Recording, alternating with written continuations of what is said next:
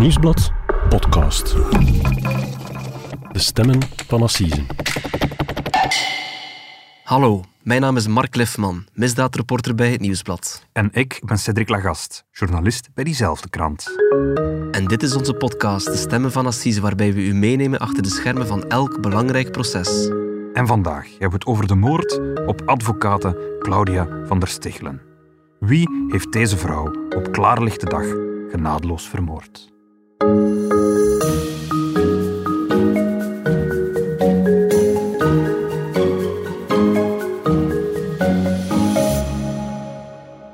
Mark. Dag Cedric. Mark, welkom uh, opnieuw terug in onze podcaststudio. Dank u. Het is natuurlijk een podcast. Luisteraars, die horen ons alleen maar, die zien ons niet. Maar ik wil wel nog even meegeven, het ziet er hier vandaag een klein beetje anders uit dan anders. Het is hier opgeruimd. Het is hier vooral opgeruimd, ja. Iemand heeft de hele studio opgeruimd uh, en heeft de, de, tafel en de microfoons een beetje anders gezet. Dat heeft ook een doel, waar we uh, het vandaag nog niet over zullen hebben.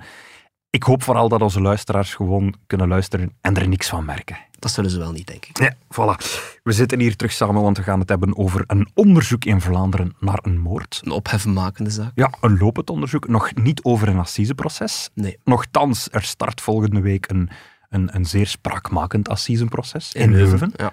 Voilà. Uh, het gaat over een drievoudige moord die uh, lang geleden in Guatemala is gepleegd op drie Vlaamse paters.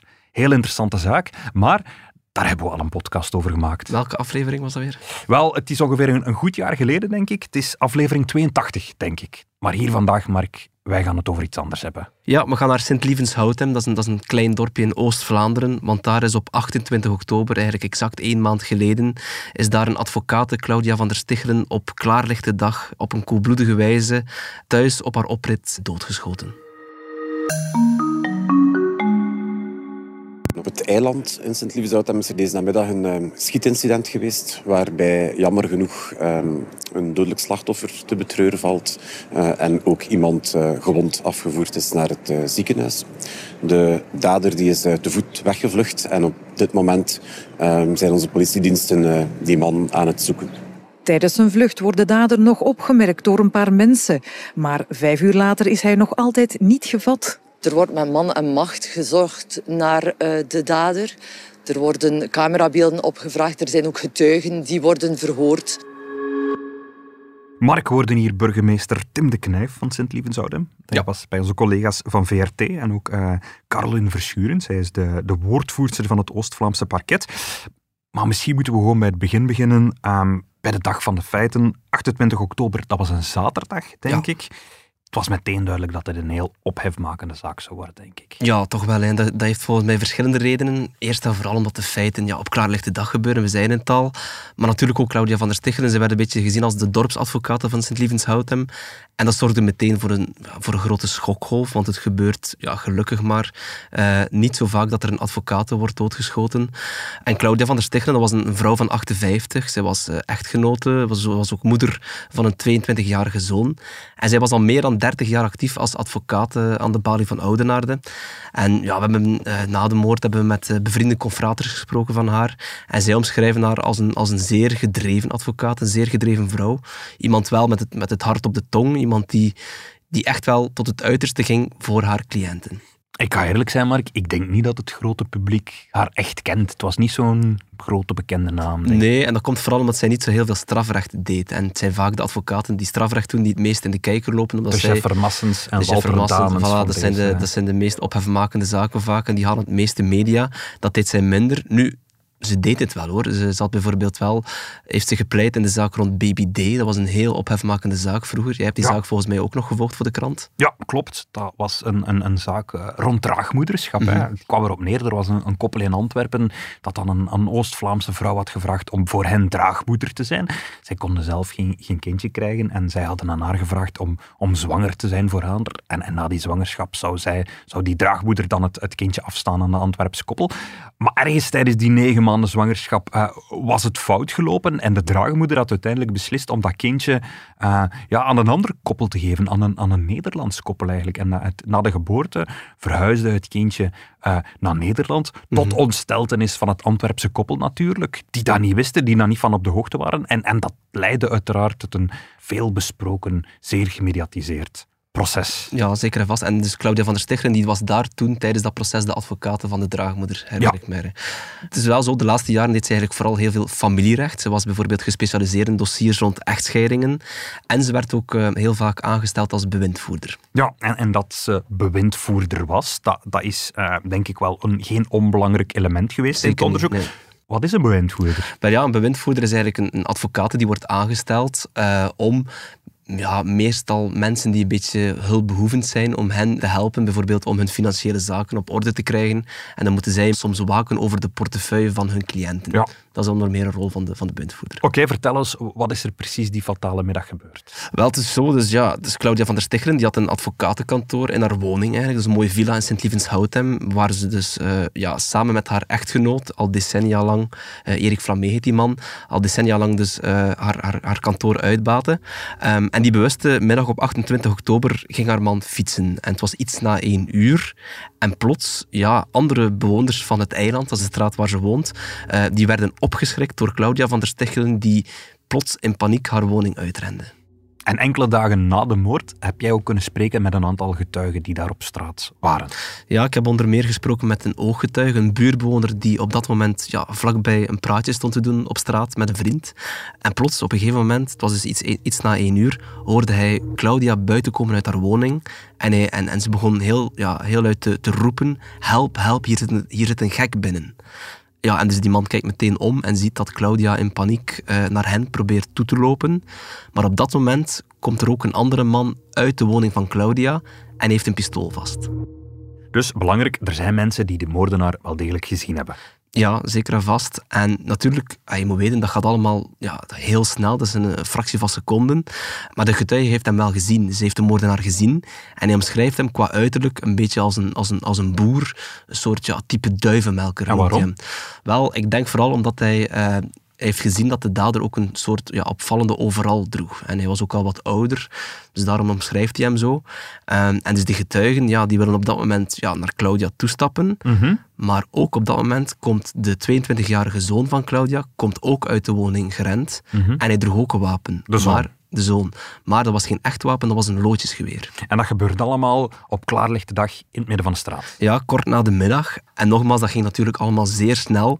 Maar de buren hoorden de zoon nog roepen, ook naar de dader, dat hij, dat hij zijn wapen moest neerleggen toen hij zijn moeder achtervolgde.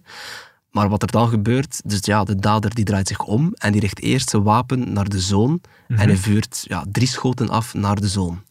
Een van de getuigen, dus de man die ik gesproken heb, die is meteen naar binnen gevlucht om, ja, om, om te ontkomen aan die schietpartij. Maar de getuigen hebben gezien dat de moordenaar nadien toch naar Claudia is toegestapt, tot op een meter afstand. En dan heeft de dader opnieuw een drietal schoten afgevuurd naar Claudia. Nu, de dader is dan gewoon nadien weggestapt. Uh, gewoon weggewandeld. Ja, gewoon weggewandeld. En men gaat ervan uit dat het op een zeer kalme manier was, alsof het eigenlijk allemaal zeer beredeneerd was. En de hulpdiensten zijn dan uiteraard gekomen, maar zij konden Claudia van der Stichelen niet meer helpen. Nee, helaas niet. Dus rond uh, kwart over één, eigenlijk echt wel vrij snel, uh, heeft uh, de ooggetuige die wij gesproken hebben, heeft dan, heeft dan gebeld naar de hulpdiensten. Zij waren er ook binnen een paar minuten ter plaatse.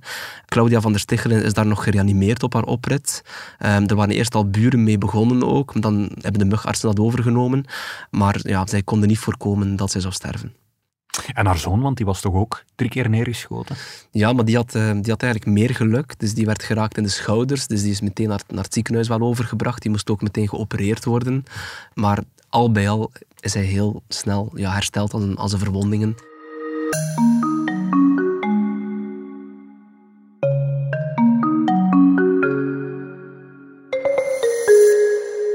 Mark, er is een advocaat, een moeder thuis op klaarlichte dag doodgeschoten, vermoord. En wat mij van die eerste dagen is bijgebleven, is eigenlijk dat er al heel snel een, een, een tekening, een beeld Ja. naar boven kwam. Een, eigenlijk een robotfoto van, van de dader. Ja, dat was opvallend. Eh, het was eigenlijk de zondag al, meteen de dag na de feiten, hebben eh, politie en parket eh, een robottekening van de dader verspreid. En ze hebben er dan bij gezet van, kijk, het gaat om een, om een man van tussen de 60 en 65 jaar oud. Een kalende, grijze man met kort haar. En hij spreekt ook Vlaams. Dat is ook zeer belangrijk natuurlijk. Hij was blijkbaar gekleed in een groene of blauwe overal. Hè, dat zeiden we. Dat hebben die ooggetuigen ook kunnen vaststellen. En wat we weten is dat die robotfoto vooral tot stand is gekomen na het verhoren van, van de zoon eh, van Claudia, van, van de 22-jarige zoon, die op dat moment in het ziekenhuis lag. Ja. En weet jij hoe zo'n robotfoto dan gemaakt wordt? Dus die zoon wordt dan ondervraagd, maar Ja, dat is natuurlijk een heel delicaat werken. Hè. En dat, dat, dat gebeurt ook door experts bij de federale politie. Dat zijn forensische tekenaars. En je hebt er, vroeger had je er denk ik vier, maar momenteel zijn ze nog maar met twee. Ehm, en dat zijn eigenlijk mensen die daar echt gespecialiseerd in zijn. Ze hebben bijvoorbeeld ook de, de befaamde robotfoto's van de bende van Nijvel gemaakt. Hè. Je herinnert je wel nog? de man Robot- met het hoedje en de, en de bril. de, de, de, de zogenoemde reus. Hè. Dus dat, was, eh, allee, dat, is een, dat, is een, dat is- dat is een iconische tekening bijna. Ehm, en hoe gaat dat? Ja, dat zijn dan specialisten die dan aan de slachtoffers vragen om een dader opnieuw voor zich te zien en te beschrijven. En zij stellen nooit vragen over de feiten zelf, maar echt wel, ja, ze proberen zoveel mogelijk details te weten te komen over het uiterlijk, over het voorkomen van de dader. En dan gaan ze aan de slag. Het gebeurt natuurlijk nog wel eens, Mark, dat, dat, dat in een zaak een robotfoto wordt verspreid door de politie en dat dan achteraf later de dader wordt opgepakt en dat je dan toch moet vaststellen, ja, de dader en de robotfoto, ze lijken niet echt 100% op elkaar. Nee, en, en de politie ja, kan natuurlijk ook alleen maar afgaan van de informatie die ze krijgen van de getuigen voor hen.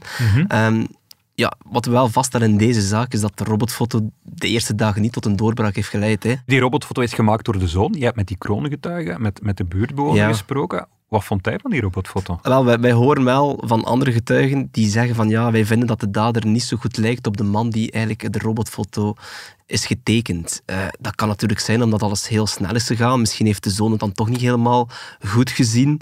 Ja, dat is een beetje onduidelijk hoe dat, dat dan Ja. Maar, want voor alle duidelijkheid, tot nu heeft er niemand een dader herkend in die robotfoto. Maar voorlopig heeft de robotfoto zeker niet tot een, tot een doorbraak geleid, totaal niet. Nu, je moet ook weten, eh, in dat dorp in Sint-Lievens-Houtem circuleerden de eerste dagen natuurlijk tal van namen van potentiële daders, van mensen die op die persoon op de robotfoto lijken. Eh, er was bijvoorbeeld ja, zeker één potentiële dader, zeg maar, die werd aangewezen door veel mensen. En die, werd dan, ja, die, die bleek dan gewoon in het buitenland te zitten. Die, die, man had een perfect alibi, Ja. had er niets mee te maken. Maar goed, ja, nee, niemand lijkt momenteel de, de robotfoto te herkennen.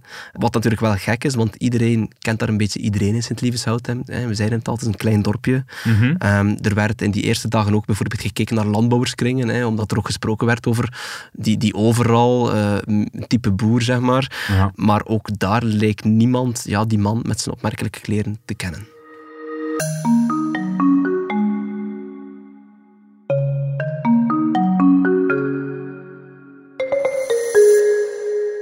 Mark, ik concludeer, de robotfoto heeft niet voor de verwachte doorbraak gezocht. Ik denk het niet. Maar dat is niet het enige wat in die zaak gebeurd is. Hè. Er, er zijn nog wel een aantal dingen gebeurd eh, om de moordenaar te kunnen klissen. Ja, we weten, in, in een moordonderzoek zijn de eerste uren natuurlijk altijd eh, zeer cruciaal. Hè. De, de politie gaat ter plaatse, dus ze doen een uitgebreid sporenonderzoek. De mannen met de witte pakjes komen ter plaatse.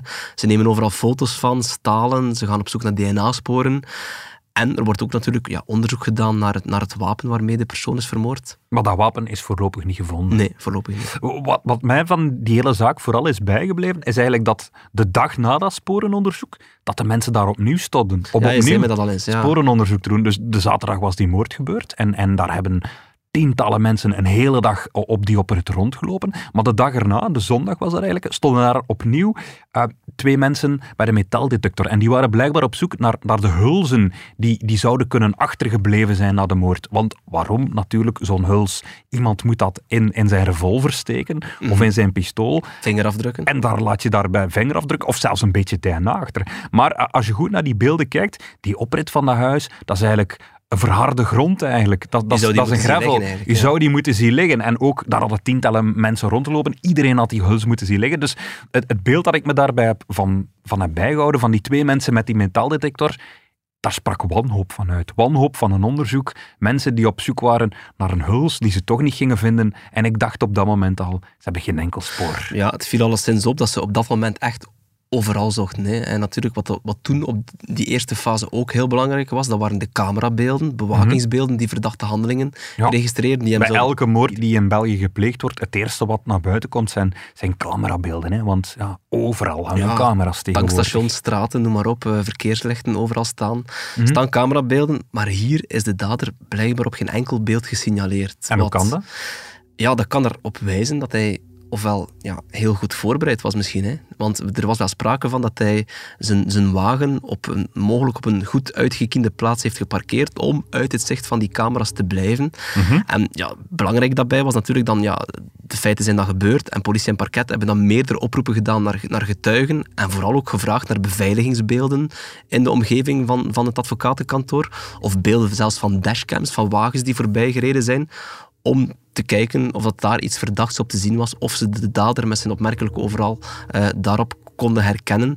Maar voor zover we weten heeft dat allemaal niet veel opgeleverd. Dus de dader is na de moord kunnen wegkomen uit Sint-Lievenshoudem zonder dat hij door één camera gefilmd is. Ja, absoluut. Nu, Jeff Vermassen. Ik, ik haal heel vaak Jeff Vermassen aan in die podcast. Zijn naam Eh, valt hier regelmatig. Niet zonder reden. Ehm, een van de stokpaardjes van Jeff Verbassen is, is dat de dader en de moordenaar elkaar in 98% van de gevallen kennen. Dus Ja. zou het logisch zijn, we moeten de moordenaar in de omgeving van Claudia van der Stichelen zoeken. Ja, en dat was natuurlijk ook meteen een piste voor de speuders. Ehm, het is een feit, dat is het- ah, we hebben het al gezegd, Claudia van der Stichelen die, die pleit in heel veel dossiers van echtscheidingen. En dat zijn, zoals we ook weten, dat zijn conflictgevoelige dossiers. Je moet daar geen tekening eh, bij maken. Daar zijn vaak benadeelde partijen bij. En sommige partijen komen daar zeer ongelukkig uit zo'n echtscheidingszaak. En dat kan natuurlijk voor vijanden zorgen, Dus ging de politie op zoek naar mensen die na een echtscheiding... die niet blij waren. Voilà. Ja, ze deed ook bewindvoering, dat zei dat wel. Hè. Dat zijn cliënten die ook niet altijd kunnen kiezen wat ze met hun geld doen, die afhankelijk zijn van hun bewindvoerder of hun advocaat. Dat zorgt ook soms voor ja, rancuneuze gedachten bij sommige mensen. Dus ja, dat is een algemeen gegeven. De piste dat de moordenaar iets te maken heeft met een van haar dossiers, een van haar zaken als advocaat, dat was natuurlijk meteen een van de meest cruciale pistes. Eh, de speuders hielden daar zeker rekening mee. Ze zijn daarom ook ja, natuurlijk al haar dossiers gaan uitpluizen op zoek naar een potentiële dader. We zijn ondertussen een maand verder, Mark. Dus de speurders hebben ruim de tijd gehad om al die dossiers te bekijken. Om te zien of daar iemand in zit die aan dat profiel beantwoordt. Is er iemand uitgekomen? Nee, schijnbaar niet. Hè. Ehm, nu, wa- wat we vernemen is dat er minstens met evenveel andere pistes wordt rekening gehouden. Ehm, dat klinkt dan altijd formeel zo, heel formeel in de communicatie van het parket, van alle pistes worden opengehouden. Nu, ik denk dat dat hier wel het geval is. Ehm, ik denk dat men er ook wel rekening mee houdt dat, dat de dader, dat Claudia van der Stichelen de dader niet persoonlijk kende. En wat zou dat dan willen zeggen? Dat kan bijvoorbeeld dan zijn dat er sprake is van een huurmoordenaar. Maar goed, dat is, ik ben hier nu ja, luid op aan het speculeren, maar dat zijn natuurlijk ook opties die, die, die op zich wel kunnen. Dat iemand iemand anders heeft ingeschakeld, betaald heeft om die moord te plegen, omdat er dan geen link met, met hemzelf ge- gelegd kan worden. Ja, dat kan. Ja, je zou denken, een huurmoord in Vlaanderen, dat is ver gezocht. Maar, Nee, ja, maar dokter André Gijzelbrecht, die dan eh, hulp vroeg van zijn vriend Pierre Serie. ja, en uiteindelijk heeft dat ook een jaar geduurd vooraleer dat ze daar eh, de huurmoordenaar hebben kunnen ontmaskeren. Ja, Maar alles begint natuurlijk met een spoor. En, en wat we de eerste weken ook gezien hebben, is, is dat er toen keihard gezocht werd naar het moordwapen. Want voor alle duidelijkheid, ook dat is nog niet teruggevonden. nee, je ziet misschien nog de beelden voor je van, van, de, van de civiele bescherming en de zelfvermiste personen die eigenlijk Sint-Liefes Houten een beetje in rep en roer zetten. eh, met, met, met, met een groep duikers, een beek uitkammen, heel het bos uitkammen op zoek naar dat wapen. Eh, er werden bomen gekapt, noem maar op. Maar ook dat bleek allemaal vergeefse moeite, want het, eh, het moordwapen is tot op vandaag nog niet gevonden. Nu, wie de krant heeft gelezen en wie de zaak een klein beetje heeft gevolgd, die weet dat er twee weken geleden wel een doorbraak leek te zijn. Namelijk, er zijn toen twee mensen opgepakt. Ja, en, en dat zorgde natuurlijk voor veel deining, want ja, sommige media die, die noemden al heel snel een heel belangrijke doorbraak. Wij waren als krant iets voorzichtiger, ehm, omdat we al snel van, van goed geplaatste bronnen eigenlijk hoorden dat, er, dat ze vooral een deurtje wilden dichtdoen, dat ze het zeker voor het onzekere wilden nemen, maar dat het nog veel te vroeg was om echt te spreken van een, van een doorbraak in het onderzoek. Maar het was dus wel zo dat er een tip was binnengekomen eh, over een man van 65 die op een paar kilometer van Claudia van der En wat was die tip dan precies? Wel, dat was wel een opvallende tip. Het was eigenlijk zo dat er iemand bij hem over de vloer was geweest en die had bij hem thuis een wapen zien liggen. Een wapen, oké. Een wapen. En dat was niet zomaar iemand, vermoed ik. Nee, want hij kende Claudia van der Stichelen ook. Want het is zo dat hij onder bewindvoering uh, van haar stond. Dus zij was zijn advocate. Maar op het einde was het duidelijk dat hij haar een beetje ja, verwenste, zeg maar. Hij had dingen op Facebook geplaatst waaruit duidelijk bleek dat hij niet meer blij met haar was. En, en waarom was hij niet zo blij met haar als bewindvoerder? Wel, we zeiden het al, een bewindvoerder zorgt voor de portefeuille van de cliënt. En hier was het zo dat die man van, van, van Claudia van der Stichelen, ja, dat hij een bepaald budget kreeg en hij vond dat niet, niet genoeg en hij was daar niet blij mee, hij wilde meer geld uitgeven. Dus er komt een tip binnen over iemand, een cliënt van Claudia van der Stichelen, die eigenlijk niet zo heel blij is met haar, die haar verwenst op Facebook en die ook nog eens een wapen blijkt te hebben. Ja, dus in zekere zin heeft die man wel een motief. Dus dan moet de politie eh, meteen gaan uitklaren of dat, dat, uh, ja, of dat, dat wel de man kan zijn die haar vermoord heeft. Mhm. um, en dan is het zo, ze hebben hem gearresteerd onderweg naar huis. Het is zo dat ze dan 48 uur de tijd hebben om iemand uh, ja, in de politiecel te houden voor zijn voorleiden bij de onderzoeksrechter. Dus wat hebben ze gedaan? Ze hebben meteen een huiszoeking gedaan. Maar tijdens die huiszoeking hebben ze inderdaad een wapen gevonden, maar dat bleek een nepwapen. Oei, dus de eerste eerste element tegen hem bleek al... Het grootste, een van de grootste aanwijzingen, die bleek eigenlijk, ja, dat bleek eigenlijk nergens ja, opgestaafd te zijn. Um, dus, dus het onderzoek viel al een beetje in duigen naar die man toe. Nu, wat hebben ze gedaan? Ze hebben hem natuurlijk wel langdurig ondervraagd om te zien of hij er toch niets mee te maken had. En hij is toch nog 48 uur in de cel hij gebleven. Hij is toch nog 48 Er was heel lang onduidelijkheid of hij al dan niet in verdenking zou gesteld worden. Maar uiteindelijk heeft de man, ja, hebben ze de man toch beslist om hem vrij te laten, omdat hij helemaal niets met de feiten te maken had. Ja, maar opvallend, hij was wel niet de enige die werd opgepakt. Er werd eigenlijk nog, nog een tweede man opgepakt. Ja, en dat was de schoonbroer van die man. Ook hij kwam ineens in het vizier van de Gentse speuders. En dat was vooral omdat ook hij over een wapen beschikte thuis. En het was duidelijk dat, dat, dat de twee, ja, ze waren familie, maar dat ze heel veel telefonisch contact ook met elkaar hadden. Dus de speurders dachten, eh, als, als ja, de eerste dat... man de dader is, maar dat wapen blijkt een nepwapen te zijn, misschien heeft hij het met een ander wapen Ze gedaan. moesten natuurlijk uitklaren hè, of, of, of, dat daar geen wapen lag, of dat hij iets met de feiten te maken had.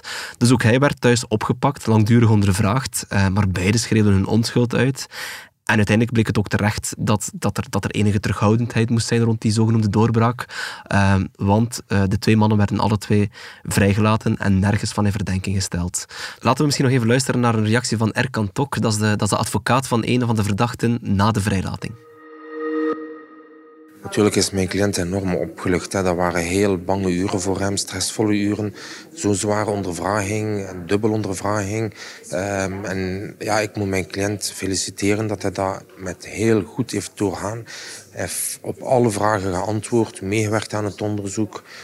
Um, nergens, nergens iets willen blokkeren of dergelijke meer. Dus wij zijn zeer blij en zeker met het resultaat dat, er, dat hij eigenlijk vandaag naar huis mag wandelen. Want die man, het gaat niet zo goed met uw cliënt in het algemeen? Ja, dat klopt. Het is een man op leeftijd. En uh, iemand die ook natuurlijk op leeftijd zijn bepaalde mensen toch medisch uh, niet volledig in orde. En dat is ook het geval bij mijn cliënt. Maar gelukkig heeft hij het doorstaan. Het is een moedige man, het is een sterke man. En uh, hij zal enorm, enorm opgelucht zijn dat hij terug thuis kan zijn, zijn medicaties kan nemen en rustig slapen. Toch waren er die Facebook-berichten bijvoorbeeld, meester, die weinig aan de verbeelding overlieten. Hè? Bijna rechtstreekse bedreigingen. De naam werd niet genoemd van Claudia van der Stichelen, maar toch, het was duidelijk dat hij iets tegen zijn bewindvoerder had.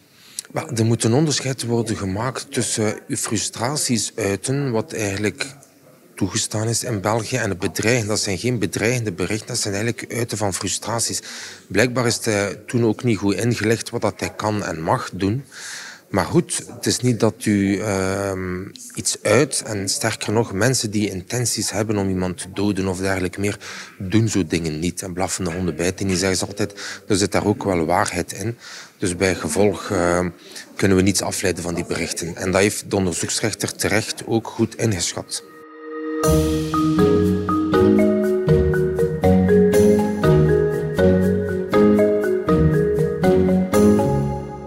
Mark, we zijn nu een maand verder na de moord. Ja. Um, er zijn twee mensen opgepakt, maar weer vrijgelaten. Niet in verdenking gesteld. Ze hebben er niks mee te maken. Moeten we nu concluderen dat het onderzoek in het slop zit? Ja, voor de buitenwereld lijkt dat alvast zo. Hè. Ehm, nu, ik ga er gewoon wel vanuit dat, dat, dat men nog steeds met man en macht op zoek is uh, in de dossier naar de moordenaar bij politie en parket. Ehm, want je voelt wel dat ze die zaak echt wel willen oplossen, dat men de moordenaar snel wil vinden.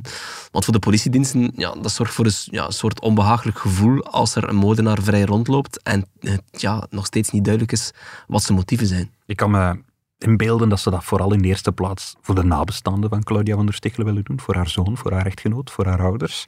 Ja, want ik kan me best wel inbeelden dat het voor hen ook een, een zeer bedreigende situatie is. Ja, en zeker in het begin hoorden we toen hè, dat, ze, dat zij ook extra bewaakt werden, omdat er, ja, er was nog heel veel onduidelijk in de eerste dagen. En dat die zoon in het ziekenhuis ook blijkbaar ja, bewaking kreeg. De rechtbank in Oost-Vlaanderen stonden plots onder scherper toezicht van de politie. Dus ja, in het begin was er wel angst, denk ik, maar dat, dat de dader opnieuw zou toeslaan. Ik heb het gevoel dat dat nu al een beetje verminderd is. Nu, het is wel zo, Erik van Mee en zijn zoon die zouden ondertussen terug thuis wonen. De echtgenoot die zou ook weer aan het werk zijn als advocaat. Dus ja, het, ja, het gewone leven gaat wel voort voor hen. Um, maar zijn, zijn raadsman is de, de advocaat van, de, van Erik Mee, dat is Walter Damen.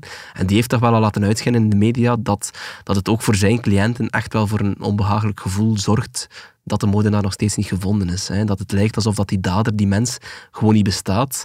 En, en een van de zaken die hij zegt is van, ja, Sint-Lievens-Houtem, ja, het hangt er inderdaad niet vol camera's en, en dat, dat bemoeilijkt het onderzoek wel. Um, er is veel intensief speurwerk nodig. Maar ja, de echtgenoot en de zoon die beseffen ook wel dat dat niet van vandaag op morgen misschien zal lukken, dat er wel enige tijd zal overgaan voor die man ontmaskerd wordt. Ja, nu, vorige week kwam de zaak uh, opnieuw in het nieuws. Eh, dit keer omdat er in, de straat van het advocatenkantoor, eigenlijk in het huis daar recht tegenover, opnieuw een lichaam van een man was aangetroffen. Ja, en even leek het alsof de dader dan toch opnieuw had toegeslagen. Hè. Veel mensen dachten daar meteen aan. En het was inderdaad zo. In een woning schuin tegenover het advocatenkantoor van Claudia van der Stichelen werd een man dood aangetroffen eh, in de zetel. Dat is een man van 43. En het waren de andere bewoners van dat pand die aangifte hadden gedaan van het overlijden van die man. En natuurlijk, de hulpdiensten zijn ter plaatse gekomen, maar het was niet meteen duidelijk ja, waaraan die man was overleden. Dus politie en parket hebben toen ook het, ja, zeker voor het onzeker genomen. Ze hebben opnieuw de mannen met de witte pakken naar daar gestuurd. Eh, ze hebben meteen ook een wetsdokter naar daar gestuurd, omdat het toch even wel leek op een, op een verdacht overlijden. Uh, maar deze week is uiteindelijk, ja, heeft, de autopsie wel uitgeklaard dat die man een, natuurlijk overlijden is gestorven en dat die zaak ja, compleet losstaat van de moord op uh, Claudia van der Stichelen. Je zei daarnet al, de eerste 48 uur zijn cruciaal in een moordonderzoek. Nu, die 48 uur die zijn ondertussen al lang gepasseerd. Moeten we beginnen wanhopen? Nee, dat denk ik niet, want uh, het gebeurt echt wel nog vaker dat, dat een moord niet in 1, 2, 3 wordt opgelost. Um, we hebben hier in de podcast al, al meermaals verwezen naar de, naar de moord op juf Mieke. Hè. Dat is een, een, vrouw uit Noorderwijk in de Kempen die, die exact drie jaar geleden werd doodgestoken bij haar thuis met 101 messteken. Ja. Um, dat was ook een heel ophefmakende zaak. En toen was het ook meer dan een jaar lang compleet een mysterie wie die vrouw vermoord had uiteindelijk bleek dan dat, uh, dat dat een ex-leerling van haar de moord had gepleegd, Gunther Uwens. Ja. En die was er ja, blijkbaar heel lang in geslaagd om uit de radar van de speuders te blijven. Er waren ook van hem geen camerabeelden toen uh, na de feiten. Ook toen werden er tal van oproepen tot getuigen gedaan. Er werd zelfs, en dat was eigenlijk echt ongezien, werd er een spreekuur georganiseerd, zeg maar in de lokale parochie, waarbij dan mensen uh, anoniem tips konden geven aan de speuders. Maar ook dat, dat heeft allemaal niets uitgehaald. Ja. Die man is dan uiteindelijk pas na een jaar ontmaskerd geweest. Um, onder meer ook omdat, omdat we, ja, we hebben toen lang uh, met, de, met de weduwnaar, met de, met de man van juf Mieke gesproken. En blijkbaar heeft Gunther Uwens dat gehoord en heeft daar ja, vroeging door gevoeld. En uiteindelijk heeft hij dan ja, zichzelf aangegeven bij een, bij een vertrouwenspersoon. En die persoon is dan naar de politie gestapt. Ja. En zo is de zaak aan het licht gekomen. Ja, en we hebben het hier ook al in de podcast gehad over de kasteelmoord daarnet. Ook daar heeft het een jaar geduurd voor mm -hmm. dat de speurders wisten uh, wie Stijn Sales uh, heeft neergeschoten. Hè. Ja, en nog een andere zaak is bijvoorbeeld de moord op Sophie Muilen op het strand van Knokke. Um, die werd uh, ja, tijdens de winternacht om het leven gebracht op het strand. Mm -hmm. En daar was dags nadien eigenlijk al een man, eh, een foto van een man met een blauwe jas te zien op de dijk. Mm -hmm. En die foto hadden ze wel, maar ze konden, ze wisten, het heeft lang geduurd vooraleer de politie kon die man identificeren. En toen bleek dat die man in Roemenië zat en zo. Dus daar is ook heel veel tijd over gegaan. Maar uiteindelijk is die zaak wel opgehelderd. Ik concludeer, uh, de familie van Claudia van der Stichelen, die hoeft nog niet een ban open. Het is niet omdat een zaak niet binnen een maand nog niet opgelost is, dat hij daarmee nooit wordt opgelost. Nee, dat denk ik ook. En vergeet ook niet dat er ook, er zullen ook wel mogelijk DNA-sporen gevonden zijn van de dader. Uh, misschien kan dat later nog tot een doorbraak leiden. Of de moordenaar kan ook zelf een fout maken door zijn mond voorbij te praten. Of, ja, wie weet zelfs, zoals bij Juf Mieke, kan die persoon dan toch nog ja, vroeging krijgen en komt de zaak misschien toch naar het licht. En hoe gaat het nu in Sint-Lievenzouten? Ja, in het begin was er wel zo wat sprake van dat, dat iedereen daar heel angstig uh, rondliep. Uh, maar een paar weken geleden was er dan die jaarmarkt. Dat is een beetje de, de jaarlijkse hoogmis in het dorp. En daar kwam wel nog altijd veel volk uh, naar buiten. We hebben ook met bewoners toen gesproken. En zij zeggen natuurlijk van ja, wij, allez, er wordt enorm veel gesproken over de feiten. Wat ook wel opvallend is, is dat er ook meegespeurd wordt. Ik hoor van mensen daar in het dorp dat zij echt Google Maps en zo doorploegen om te kijken of daar camera's hangen, waar camera's hangen, om te zien welke route de dader misschien genomen heeft. Dus men is daar heel erg mee bezig, maar blijkbaar zou de echte angst, dat, ja, de echte angst dat hij opnieuw zou toeslaan, ik denk dat dat wel een beetje geweken is ondertussen. Oké, Mark. Een zeer intrigerende zaak, laat ik dat ook maar concluderen. Uh, een, een, zaak waar het laatste nog niet over is gezegd. Uh, hopelijk komen we ooit meer te weten over de daders. Hopelijk, ja. We volgen dat verder op. En ik vermoed, als, als er ooit een dader wordt geklist, dat we er dan nog eens op kunnen terugkomen. Dat denk ik wel. Hier in onze podcast. Sowieso. En voor we de podcast hier afsluiten, moeten we nog even naar Brussel, waar de rechtbank een vonnis heeft geveld in de zaak tegen de Franse drugsbaron Mohamed Abdelhak. In onze podcast hadden we het enkele weken geleden over de waanzinnige poging die enkele leden van zijn bende in 2014 hebben ondernomen om de Franse drugsbaron uit de gevangenis te bevrijden. Ze reden daarbij door de poort van het gevangenisgebouw met een bestelwagen en ze bedreigden het gevangenispersoneel met oorlogswapens. De uitbraak mislukte. Maar nu, negen jaar later, heeft de rechtbank wel straffen uitgedeeld voor die operatie. Ben Abdelak is als de bedenker van het plan veroordeeld tot zeven jaar cel. Zijn rechterhand, Jawed A., die onder meer een gsm binnensmokkelde om met Ben Abdelak te overleggen, die kreeg zes jaar cel. Maar er stonden in totaal zes mensen terecht voor de ontsnapping. En alle andere verdachten werden uiteindelijk zonder straf naar huis gestuurd. Rest mij alleen nog om uh, de luisteraar te bedanken. En volgende week zijn we er opnieuw met een nieuwe aflevering van de Stemmen van Assisen. Tot volgende week.